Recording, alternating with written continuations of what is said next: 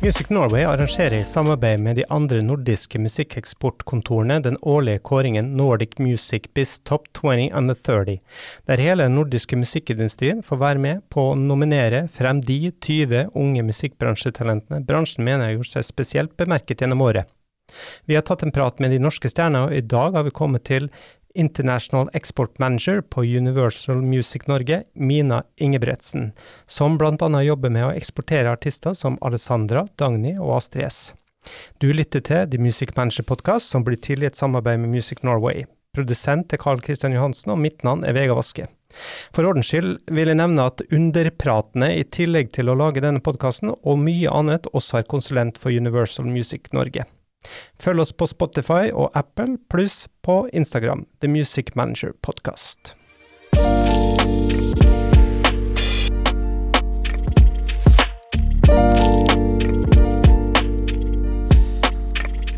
Da ønsker vi velkommen til Mine Ingebretsen. Hei. Hei. Du, eh, fortell litt. eh, Hvor, hvor kom du fra, og hvordan endte du opp i musikkbransjen? Eh, nei, jeg eh, kommer fra Stavanger. Um, ønsket å komme meg inn i musikkindustrien, men uh, ville litt større enn Norge. Så jeg flytta til London og begynte å studere Music Industry Management. Um, og i løpet av de tre årene så gjorde jeg masse internships, og ja, litt forskjell fra Norge, så var det mye gratis arbeid og alle mulige småjobber jeg kunne få. Egentlig- Hvilken skole var det du gikk på? University of East London. De har faktisk ikke det Det er ikke på den skolen nå lenger, når du flytta til Lipa Mm. i Liverpool. Så samme fag og lærer. Hvordan, eh, og når begynte du der? Det var i ah, 2014. Og ehm, eh, hvordan var uh, forskjellen på teori og praksis? Hva, altså, tenk på, var det noe du lærte der som du Eller følte du ikke liksom eh, ikke hadde noen sammenheng med realitetene ute i bransjen? Eh, For å si det sånn, når jeg startet å studere, så var jeg helt grønn på industrien. Um, og det var egentlig derfor jeg ville studere det òg, for å få kunnskapen og vite hva jeg egentlig ville jobbe med. Så vi hadde jo alle fag fra markedsføring til A&R til publishing til law. Um, det var jo en business degree. Um, så for min del så fikk jeg jo alt den kunst, grunnleggende kunnskapen om hvordan musikkindustrien fungerer, først derfra. Mm. Um, jeg var nok ganske Jeg var, var en av de som skulle egentlig bli artist. Mm. og så fant jeg vel ut av at eh, nei, det var litt mye arbeid og um, kanskje ikke ja, god nok, da. Mm. Så da ville jeg inn i musikkindustrien, men var, visste ikke hva egentlig jeg kunne gå til. Nei. Så da å studere det lærte jeg jo til slutt at jeg ønsket å gjøre markedsføring. Eh, Internshipsene du var i da, fikk du dem som en del av eh, Var det en del av, eh, hva skal jeg si øh, øh, Praksis på del av studiene, eller var det bare noe du høsla til sjøl? Det var 100 høsling. Ja. Um, var, nå vet jeg ikke hvordan det faget har endret seg. Forhåpentligvis er det kanskje litt mer sånn nå når det har flytta til Lipa. Um, men måten vi gjorde det på da, var egentlig bare høsle. Det var å søke på alle plasser vi kunne. Um, det er jo mye mer sånne nettsider i UK um, om arbeidsting, men så var det òg å bli godt kjent med lærerne våre um, og kontakter gjennom de. Mm. Um, og det var nok det grunnleggende jeg lærte mest der, var at uh, hvis du skal inn i musikkindustrien, så må du jobbe jævlig hardt. Kan jeg si jævlig? Mm. Ja. ja, for du må det. Ja. Jævlig hardt. Ja, ja. Mm. Um, og det handla Altså, han læreren vår, um, Dave Wibley, som heter, han uh, var fra musikkindustrien sjøl, var A&R på V2 back in the day, in the 90s. Um, og han var veldig på den hvis du ikke høsler sjøl, så kommer ingenting til å skje. Til å skje. Mm. Så det var tre år med mye skole og mye høsling, egentlig. Mm. Og eh, når du var ferdig med studiene, hvor bar det hen da? Ja, når jeg var ferdig med studiene, så fikk jeg faktisk tilbud eh, først om internship-programmet de hadde på Sony Music. Mm. Um, men det var innenfor salg. Um, og så, gjennom da han læreren min, ble jeg tatt i kontakt med et lite selskap i eh, London som driver marketing. Um, fire ansatte. Men de kunne ikke betale meg. Så da sto jeg eh, i mai i 2017 og tenkte skal jeg ta et års internship med Sony og få betalt? ganske dårlig, men fortsatt få betalt, eller skal jeg ta satsa? Kan du si hvor mye er, får man et Ja. internship Det- Sony back in back in 2017? Mm. Um, da var det 19 000 Mm. pund, Ja. som på den tiden da lå kronen nesten på 10, så rundt 190 000 da, Mm. lønn for et år. tenker jeg Det er jo en greie, liksom reality check, Mm. for at uh, mange tenker jo liksom å, jeg kan flytte til London og Mhm. begynne å jobbe i major label og Ja. Ja, Mm. nei, det var realiteten da, men de hadde jo, det må jeg si, det var en um, Det var en veldig stor avgjørelse å takke nei til den, fordi de internship-programmene de har hos majorsene er jo egentlig fantastiske. Mm. Em, og det er nok en veldig bra fot inn i industrien. Em, så egentlig litt sånn Når jeg ser tilbake på det, er det litt sykt at jeg takket nei. Um, men jeg var så fastslått på at jeg ville gjøre marketing, at um, jeg tenkte det ville sette meg et år tilbake hvis jeg skulle begynne på salg, og så prøve å utvikle meg videre derfor, da. Mm. Så da takka jeg ja, og snakket med mamma og pappa, og vi ble enige om at eh, ja, du skal så, i sommer så kan du jobbe gratis i tre måneder. Altså ikke, de betalte meg altså ikke, men uh, da brukte jeg sparepengene mine Mm. på å leve i London i tre måneder uten uh, betalt. Um, og så håpte jeg jo egentlig på å få en, um, en fast stilling hos de, um, men det hadde de dessverre ikke mulighet til. Em, men det fikk jeg i hvert fall en sommer hos de der jeg gjorde alt fra mm, Ja, hva var det vi gjorde? Det var noe turnégreier, det var noe småmarketing, det var noe sosiale medier. De var et veldig sånn DIY-selskap. Mm. Um, så um, jeg tok, tok nok med meg litt fra den jobben, men uh, det, det er nok den stillingen etterpå at jeg har tatt med meg det meste fra det jeg har lært de siste årene. Mm. Så ja, så når jeg fikk beskjed om at de ikke kunne ansette meg, så måtte jeg da begynne for fullt å søke igjen. Og nå vet jeg ikke hvordan søkeprosessen er her i Norge, men uh, i min tid i London tror jeg jeg har måttet, ha sikkert søkt på 500 jobber, um, tipper jeg, og kanskje hørt tilbake fra 20 av de uh, totalt. Så det er en veldig um, Det òg var en uh, reality check når jeg begynte òg, at det er veldig mye nei. Eller veldig lite svar, egentlig. Og så var det en rolle, en rolle ledig som marketingassistent hos da Cobalt Music Recordings. Mm. Um, og da gikk jeg gjennom en seks intervjusprosess. Oi. Um, ja, det var ganske Seks intervjuer nå? Ja. Å, shit. Um, der eh, jeg husker fjerde, tredje eller fjerde intervju, så var jeg inne og snakket med um, uh, GM, og hun andre, hun hadde vel head of uh, commercial, DSP. Mm. Um, og etter det møtet så sa de Har du tid? Har du litt ekstra tid? Jeg bare ja. Ja, vi vil veldig gjerne at du skal møte presidenten, fordi han, skal på, han drar neste uke, og vi må liksom gå gjennom prosessen nå. Så ble jeg bare kasta uti og sitte og snakke med eh, presidenten av Cobra Music Recordings, Paul. Hitchman, som kan være en veldig eh, eh, Ikke jeg vet ikke om skrem... Jo, jeg var nok veldig skremt da, Mm. um, og ble grilla av han. Totalt grilla i en halvtime. Og jeg gikk, jeg husker jeg gikk fra det intervjuet og tenkte nei, der Til da følte jeg at jeg hadde gjort det bra, og da var jeg bare sånn Nå. Der røyk hele greia. Mm. Um, men så fikk jeg jobben. Ja. Så jeg hadde to til runder, da hadde de en culture fit-intervju etter det, Men en, eh, en advokat i selskapet. Og så var det ett til år-intervju, og så fikk jeg jobben. Yes. Så da starta jeg der i august 2017, Mm. på en lønn på 20 000. Og eh, hva innebærer den jobben, da? Ja, og når jeg starta, som sagt, så um, Det er jo i dag kjent som AWOL. Um, men når jeg starta, var vi 40 stykk, Mm. på, og det var alle, alle i teamet. Um, og da var jeg assistent for UK marketing, international marketing, digital marketing og DSP.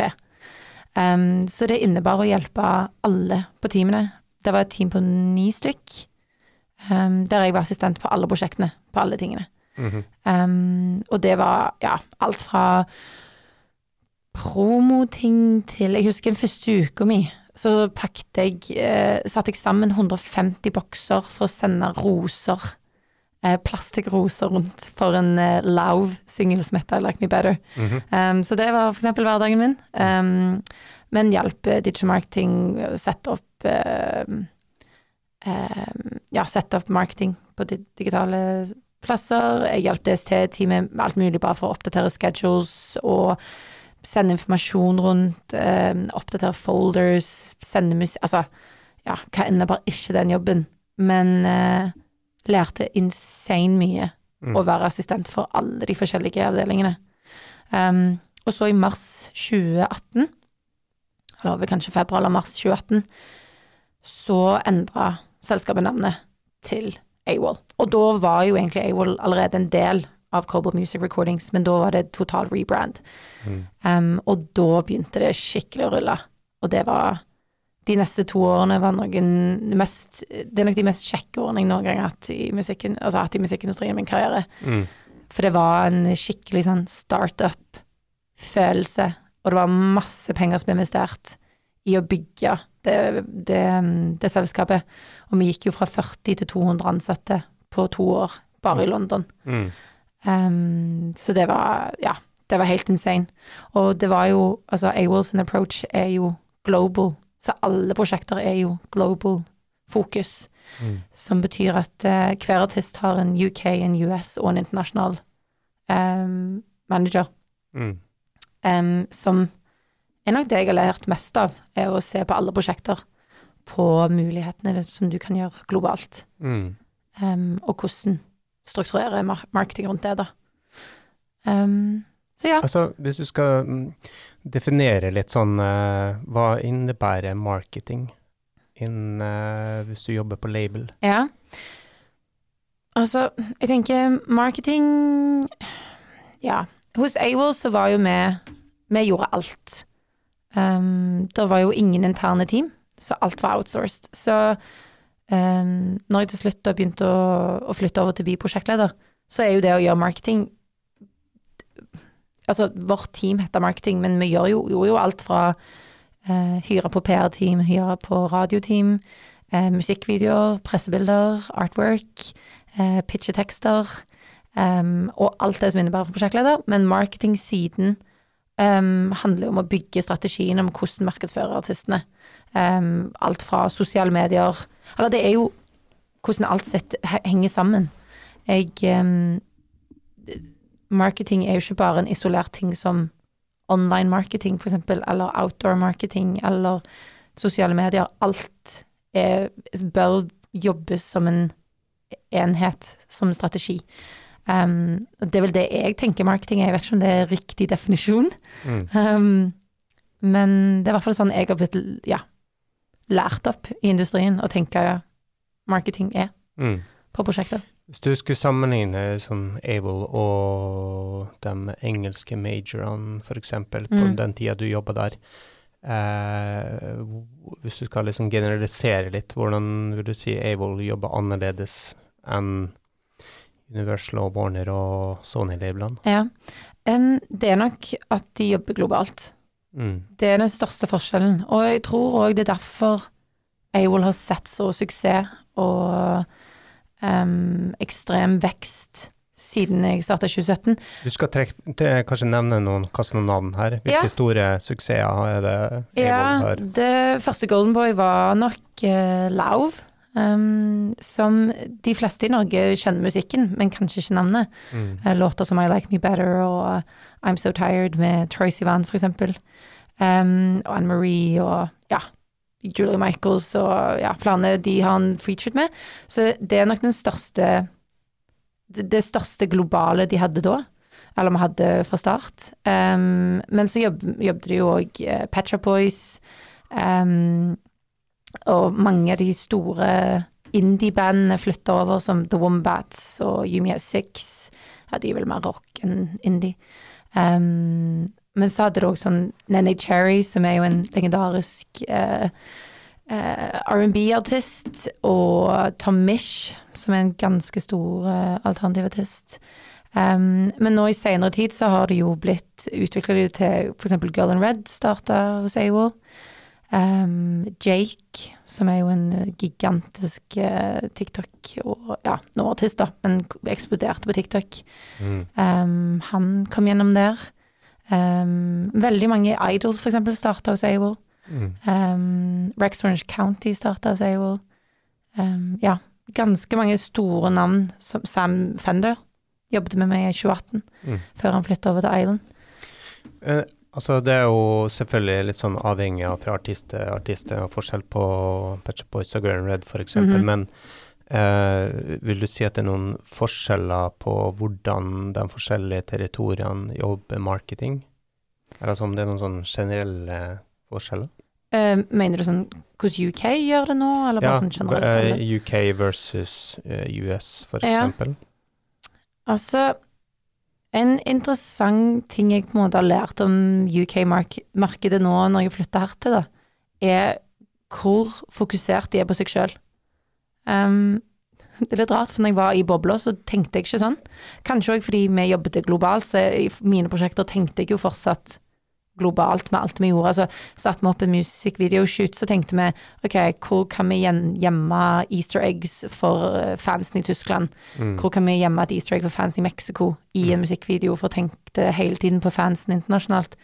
Um, men det er nok både US og UK tenker veldig Altså, alle tenker lokalt, men de fokuserer veldig lokalt, og så branch ut. Og det er kanskje det som var forskjellen da med hvorfor Lauv hadde så stor suksess med et teknisk sett veldig lite plateselskap istedenfor å være hos Universal, var akkurat fordi, at de, fordi teamet der tenkte større Mm. og markedsførte på en større skala fra start, istedenfor å bare fokusere på US og UK. Altså, USA var jo så seine på banen på Lauv at de begynte å spille, spille I Like Me Better 18 måneder etter låten kom ut. Mm. BBC begynte å spille låten 12 måneder etter den kom ut. Det var en singel vi jobbet i ja, to år. Mm. Um, og så eksploderte det. Men da hadde det allerede eksplodert i Asia, i Australia, i Tyskland. Um, ja. Men det er jo bra at noen uh, hva skal jeg si, jobber noe langsiktig, da. Mm. Jeg føles det alt, føler mye sånn Nå gir vi ut den låta her. åh nei, vi var på bunnen av Ja. NMF-ere. å nei, det her funka ikke, liksom, bla, bla, bla.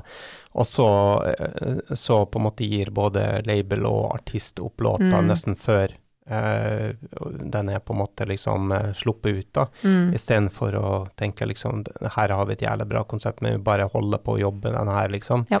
Eh, men eh, det er jo forståelig òg, da, når det, man, eh, det gis ut millioner av låter hver eneste dag, og bare move on. Jeg tror òg det kanskje Det er nok litt annerledes nå på grunn av TikTok. Mm. Um, jeg tror nok TikTok har hatt en litt negativ innflytelse på akkurat det.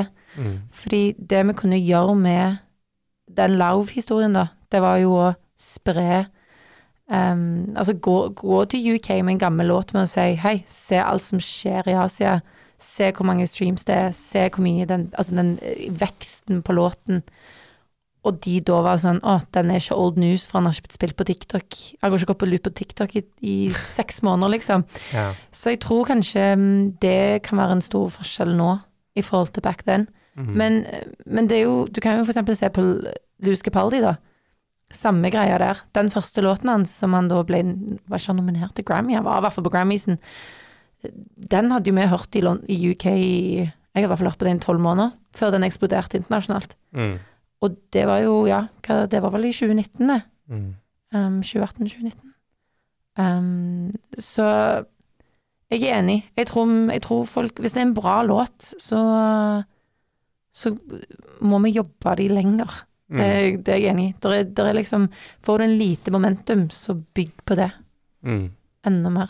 Um, og det tror jeg eh, folk i AWOL var flinke på. Og så er folk veldig flinke fort til å, å øh, finne, prøve å finne grunner til at man ikke skal være behind noe. Det kan være sånn uh, Å ja, det går bra på radio. Ja, men skal vi se, det går ikke så bra på streams. Uh, nei, det går bra på streams, ja, men det går ikke så bra på TikTok. Ja. Uh, nei, den går bra på TikTok, ja, men live i markedet interesserer eh, Skjønner du? Ja. Det er litt sånn eh, eh, ja, det er litt sånn spesielt der dere får en utfordring som da jobber med marketing som skal prøve å få alle til å tro på det. Ja, men jeg, jeg, akkurat når du sier det, så tenker jeg òg en ting vi gjorde veldig mye aktivt når jeg jobbet i AWOL, var å sette oss altså målsetninger. Hva er målet for denne låten i det territoriet? Og så når vi de målene, så upper vi de. Så for eksempel i begynnelsen av Lauv så hadde vi jo ikke, kunne ikke sette samme mål i Indonesia som vi kunne i UK, Mm. eller vice versa. Så han solgte ut ti cap-rom i Indonesia, så klarte vi så vidt å selge 2000 billetter i London. Mm. Altså, det er fortsatt suksesshistorier, men jeg tror folk blir litt blinde på akkurat det at ja, men hvis det ikke er så og så mange streams, er det så og så mange billetter. Men det er òg relativt til, til territorier, Mm. mener jeg, da. Mm. Um, men ja. Hvor lenge var du på Able da? Så der var jeg i fem år.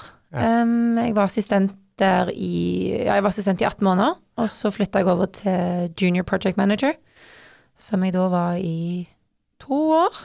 Og så var jeg eh, Og da, da flytta jeg over til å bli bare UK.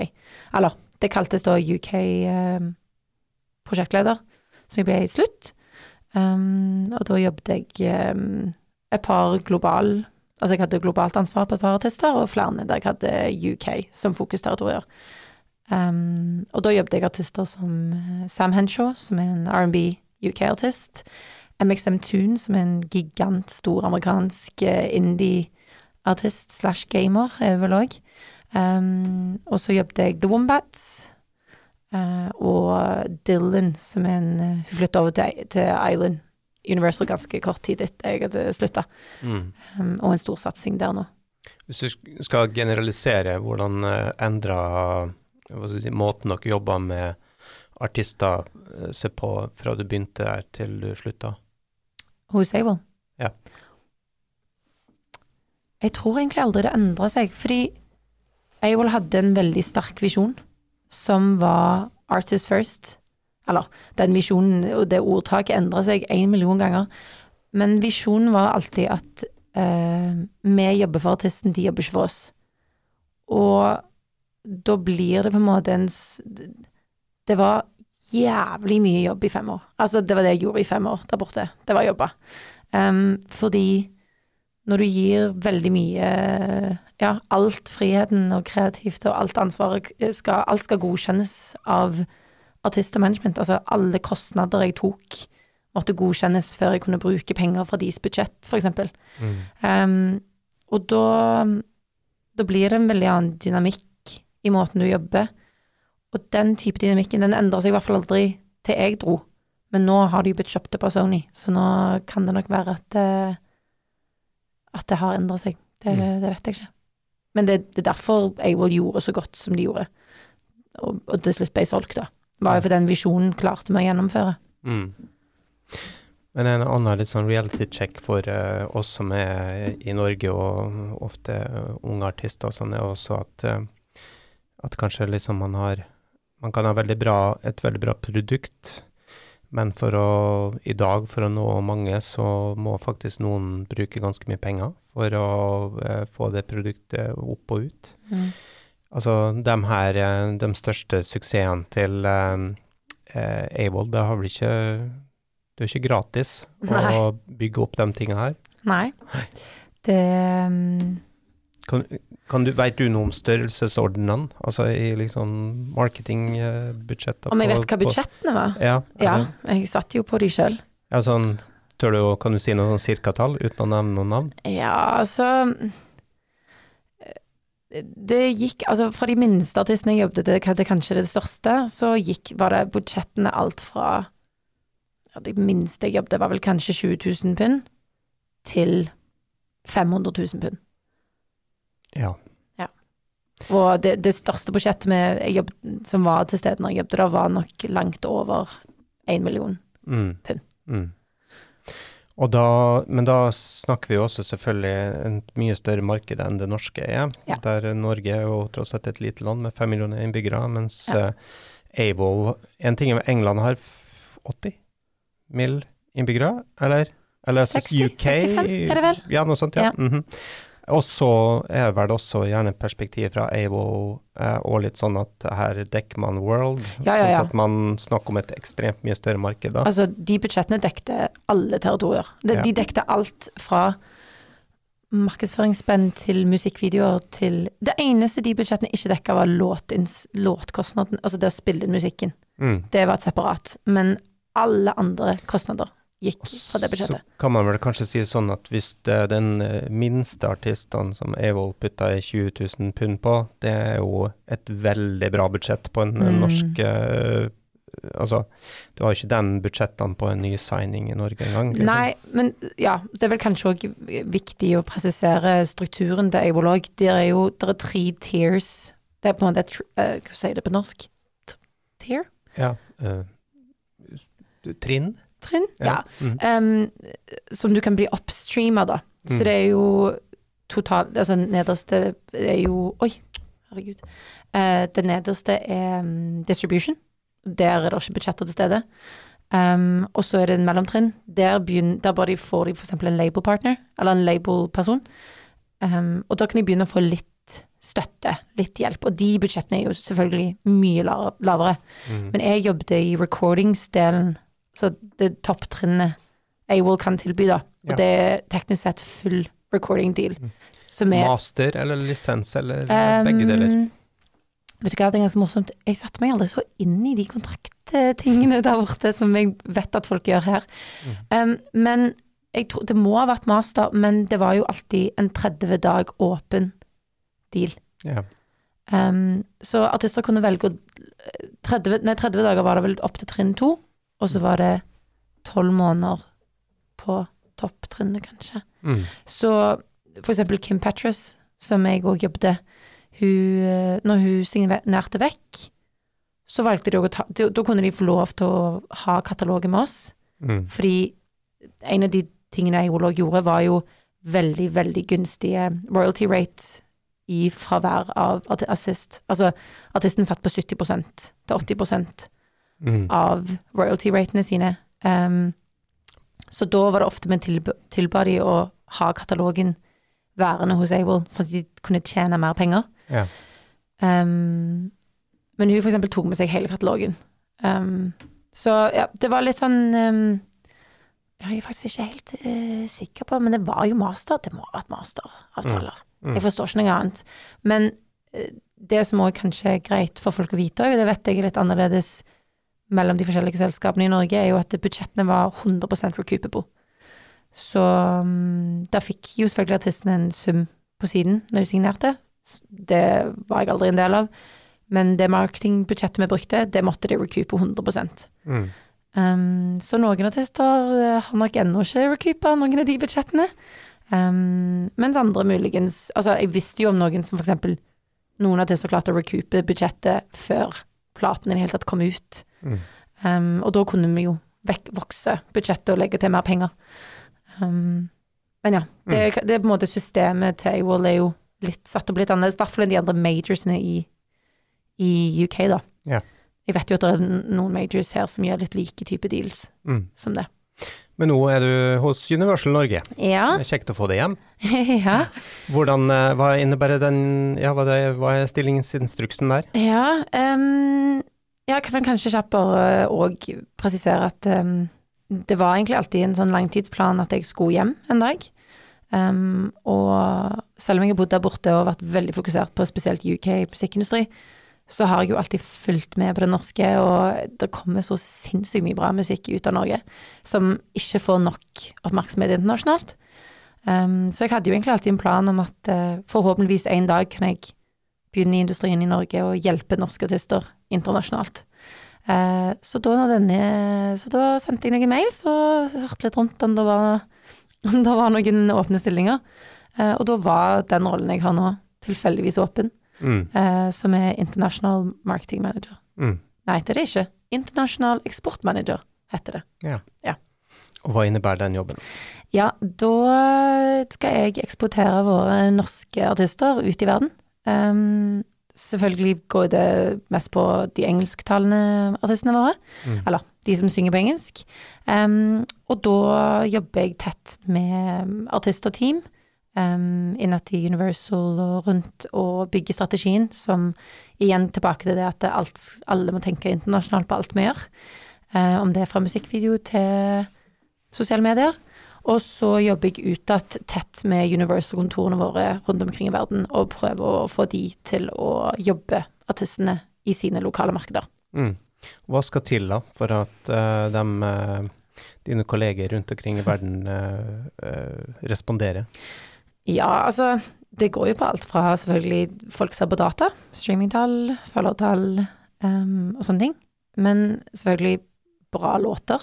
Mm. Bra musikk som kan fungere. Data som er at de ser eh, positive data i sitt marked, ja, eller ja. at det har vært bra data i Det må Altså overall, hvis det er veldig høye streamingtall, så hjelper jo det alltid uansett. Eller mm. høye følgertall er jo alltid imponerende å, å, inkludere. Men de ser på sine lokale data.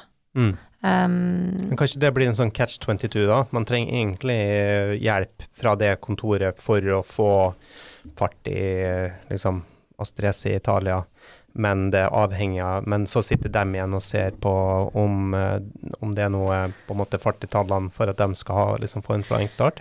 Ja, det er jo uh, akkurat det som er det vanskelige delen med jobben min, kanskje. Um, men eh, legge til òg, det handler jo som sagt om bra musikk, om en bra strategi og eh, ja, hva er det kreative bak marketing? Mm. Hva er planen, hva ønsker dere å oppnå? Um, og da selvfølgelig er det jo òg enklere å få buy-in hvis vi Men tilbake til det òg, altså Jeg stiller jo alltid et spørsmål til management og artist hvis de sier 'Å, jeg har lyst til å breake i ja, altså i Frankrike'. Mm. Hvorfor det? Hvorfor Frankrike, eksempel? Mm. Um, og det tror jeg er veldig viktig å prøve å huske, og alle i verden har lyst til å breake i UK og USA. Det er òg de vanskeligste territoriene nesten å breake, fordi alle prøver å breake de. Mm. Um, så jeg prøver nesten egentlig alltid bare å se på hva land vil denne artisten passe inn i? Hva land vil det sonisk sett passe inn i? Um, og så begynne å snakke med teamene og vise dem musikken. Eh, snakke med dem om artisten, om ja, hva budskap har de, hva prøver de å oppnå, hvem ønsker de å være, hva er det kreative? hvordan snakker de med fans? Altså fan engagement er det, er det jeg snakker mest om daglig for tiden. Mm. Um, og hvis de ser at f.eks. en artist er veldig investert i et territorium, så er det mye enklere å få buy-in mm. av teamene der. Mm. Men uh, hva er den uh, beste måten å få fan engagement, da? Per, ja. Oktober fan, 2023. Ja, fan engagement, da må du snakke direkte med fansene dine. Mm. Uh, du må oppriktig ville ønske å bygge en relasjon til fanskaren din. Mm. Det tenker jeg er den enkleste måten å forklare det på. Og selvfølgelig er det ikke det det letteste å gjøre. Det er enkelt for meg å si. Men i den verden vi bor i akkurat nå, Um, når alt går så fort, og det kommer så mye ny musikk, og det kommer en ny trend hver dag, left, right and center fra alle verdens hjørner, så er superfans det viktigste verktøyet en artist kan ha. Mm. Um, din fanskare er de som kommer til å hjelpe deg å vokse.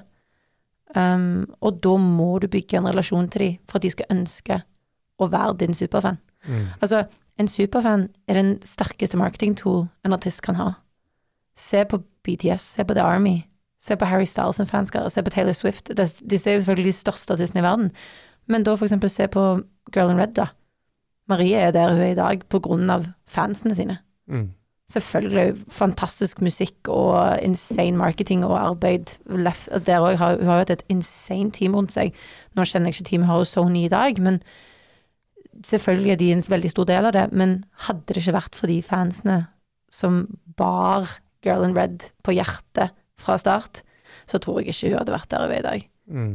Um, og det er liksom det jeg prøver veldig mye å jobbe med artistene og teamene våre, og forstå òg at ja, det tar deg litt ekstra tid å sitte hver dag og svare på kommentarer og snakke direkte med fansen og, og sånne ting, men in the long run så kan det være at det for hver gang du gjør det, så legger du til en til superfan i boksen. Én mm. til person som kommer til å komme på alle konsertene dine, kjøpe merchen din, snakke om deg høyt, spille musikken til sine venner, dele det på sine profiler. Um, det er det mektigste marketingtoolet der er, og det går det ikke an å betale for, mm. dessverre. Det er vel det Hva av og til føles litt sånn at mange artister, forståelig nok, er fort liksom blir mer opptatt av de fansene de ikke har, Mm. enn dem de har. Ja, det er nok et, eh, et ganske godt poeng, det. Mm. Jeg tror òg mange um, Mange kanskje setter fansene sine i den samme boks. Og ja, ikke kanskje tenke at OK, hvis jeg har en fan i Mexico, så bør jeg få de til å føle seg spesielle fordi de er fra Mexico, og ønsker å lære liksom hvor fansene er fra. Igjen, det, hvis jeg kan snakke med en av artistene våre, og de sier til meg Å ja, en av mine OG-fans de er, fra, de fra Filippinene. De har vært der alltid. De er helt sykt bra.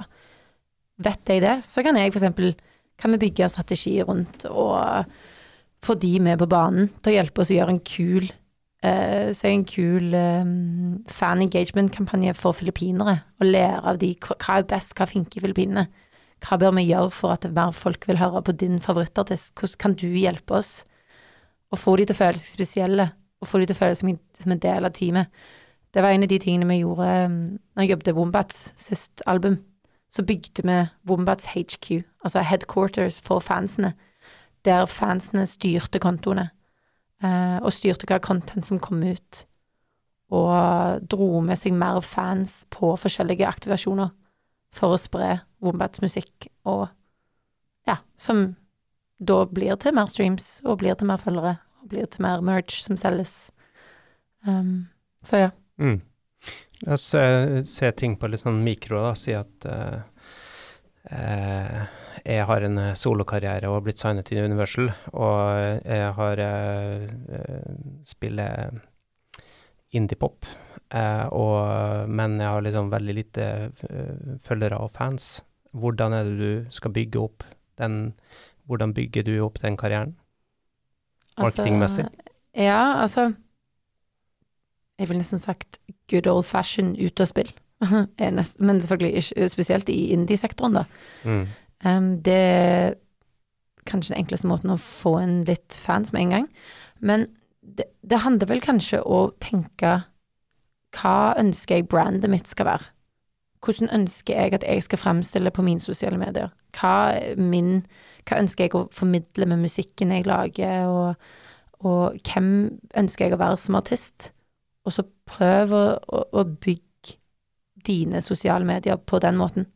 Og jeg tror en ting som Det er ikke en feil, men en ting veldig mange artister gjør, er at de blir litt for opphengt i at alt skal se ut på en veldig spesiell måte. Alt må være riktig redigert, og alt må se veldig fint ut, og alt må være perfekt. Men hvis du ser på de fleste artistene som gjør det veldig bra, eksempel på TikTok, da. Det, det, det, det er det uperfekte som gjør det bra.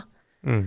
Det er det, det ekte, det som folk kan føle tilnærme seg til, det er det som funker. Og det, dette er veldig sjangerbasert, 100% Men akkurat for eksempel innenfor indie pop, da, så er det det fan, de fanskarene ønsker. De ønsker å følge en artist som de føler de kan være venn med. Mm. Um, og det tror jeg artister bør tenke på når, hvordan de ønsker å kommunisere seg sjøl. Og så selvfølgelig kan da plateselskap hjelpe å bygge det videre. Men jeg, jeg, jeg tror hvis, hvis visjonen kommer fra artisten først, så er det mye enklere å opprettholde det òg. For det er de som til slutt, eh, slutten av dagen må holde det oppe på sine egne sosiale medier. Mm. Men uh, hva med de større og mer etablerte artistene, da? Uh, hvordan jobber man med å på en måte holde deres uh, karriere pekende oppover? Ja, igjen så handler det veldig om å ikke glemme fansene sine. Mm. Um, du må ikke glemme de du har. Altså, jeg tror veldig få folk vet at Taylor Swift, hun er dronningen av fan engagement. Og det har hun gjort i alle år. Hun møter de, hun inviterer de hjem til seg, hun gjør secret meet and greets med de, og det har hun gjort siden dag én. Og ikke glemme superfansen er nok um, det viktigste. Men så selvfølgelig handler det om å se, ok, her er fansene vi har nå, hva fans ønsker vi å, å finne, og hva fans tror vi vi bør finne.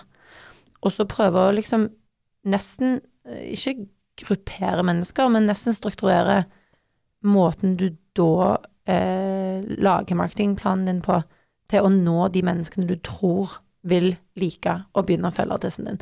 Og det kan gå på alt fra interesser, altså ok, si det er en, eh, en kvinnelig popartist, da, som er veldig interessert i fashion. Ok, kan vi nå mer fans gjennom fashion? Eller den uh, artisten er veldig glad i å lese bøker. Ok, kan vi gjøre noe kult mot folk som elsker, lekebø elsker å lese bøker, og få de inn gjennom felles interesser? Um, så det er nå kanskje én ting. Jeg prøver alltid òg å anbefale å kjøre en todelt strategi på større artister. Den ene er hold fanskaren du har engasjert, og den andre er nå, nå nye fans. Mm. Um, og tenk alltid to, parallelt måten du uh, markedsfører på til Mm. mennesker. Mm. Altså, TikTok har jo vært uh, veldig viktig de siste årene. Ser du noen tendenser der innenfor uh, skal si, bruk av plattformer på en og andre måten av uh, hva som vil alltid være her, og eventuelt om det er nye ting, hva skal jeg si, om noen plattformer begynner å bli oppbrukt, eller Mm. Det har jo uten tvil ødelagt uh, uh, intention span til folk, dessverre. mm. Um, tror jeg òg er grunnen til at musikkvideoer daler og ikke er så viktig lenger. Altså, jeg er jo en uh, Og så tror jeg òg Det er jo òg Altså, det positive med det òg Det er jo et discovery tool som vi aldri har hatt før. Um, så på den måten er det jo en veldig positiv Altså, jeg finner ny musikk på TikTok hver dag Mm. som jeg da går inn og hører på på Spotify. Kanskje på en mer måte enn at jeg går aktivt og hører på ny musikk på spillelister jeg ikke allerede følger på Spotify, eksempel. Så egentlig er det jo et veldig bra discovery tool sånn sett. Um, men det Ja, det, det jeg, jeg lurer på hvor lenge TikTok kommer til å bli, egentlig. Um, jeg tror Instagram kommer til å bli, men jeg det, Viktigheten av det kommer nok til å dale veldig mye. Det ser vi allerede Mm. dale. Uh, YouTube tror jeg kan gjøre et comeback. Um, fordi jeg tror det er så mange mennesker nå som begynner å bli Begynner å bli lei av shortform. Mm. Selv om de òg satser jo på shortform, selvfølgelig. Men jeg tror um, Altså, jeg kjenner meg sjøl i det òg, at jeg begynner å bli litt lei av så insane mye informasjon hele tiden. Og det er kanskje litt fint av og til å se én lang video. Mm.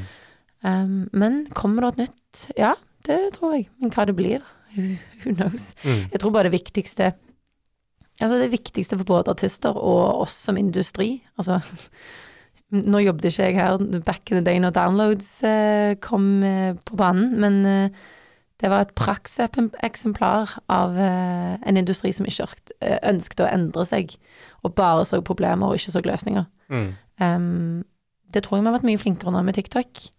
Men jeg tror både artister, spesielt artister, men òg um, oss i industrien har et ansvar for hele tiden følge med og ønske å utvikle oss med det som the consumers ønsker. Mm. For uten de, så har ikke vi jobb. Hva med eh, Altså, det lages jo Altså, det er jo ikke noe problem å finne bra musikk lagd i Norge, eh, men det er jo, hva skal jeg si, problemet er jo at det lages så mye bra musikk alle andre steder også, Mm. og at eh, markedene har eh, blitt mye mer sånn introverte, og norsk, på norsk musikk gjør det jo kjempebra i, Mhm. i, på, liksom, på charts i Norge og på radio, og det er jo kjempepositivt. Men samtidig så føles det som at på en måte det å erobre verden er blitt veldig mye mer vanskeligere enn det var før, da. Eh, og så har du mange nye markeder som kommer til, og liksom har hatt veldig sånn Latin-Amerika-vekst, og du kan merke at Afrika på en måte kom, er, er på vei opp Mhm. nå, liksom. Hvordan skal vi eh, Hvordan skal norsk musikk kunne liksom holde på posisjonen, eller øke sin posisjon?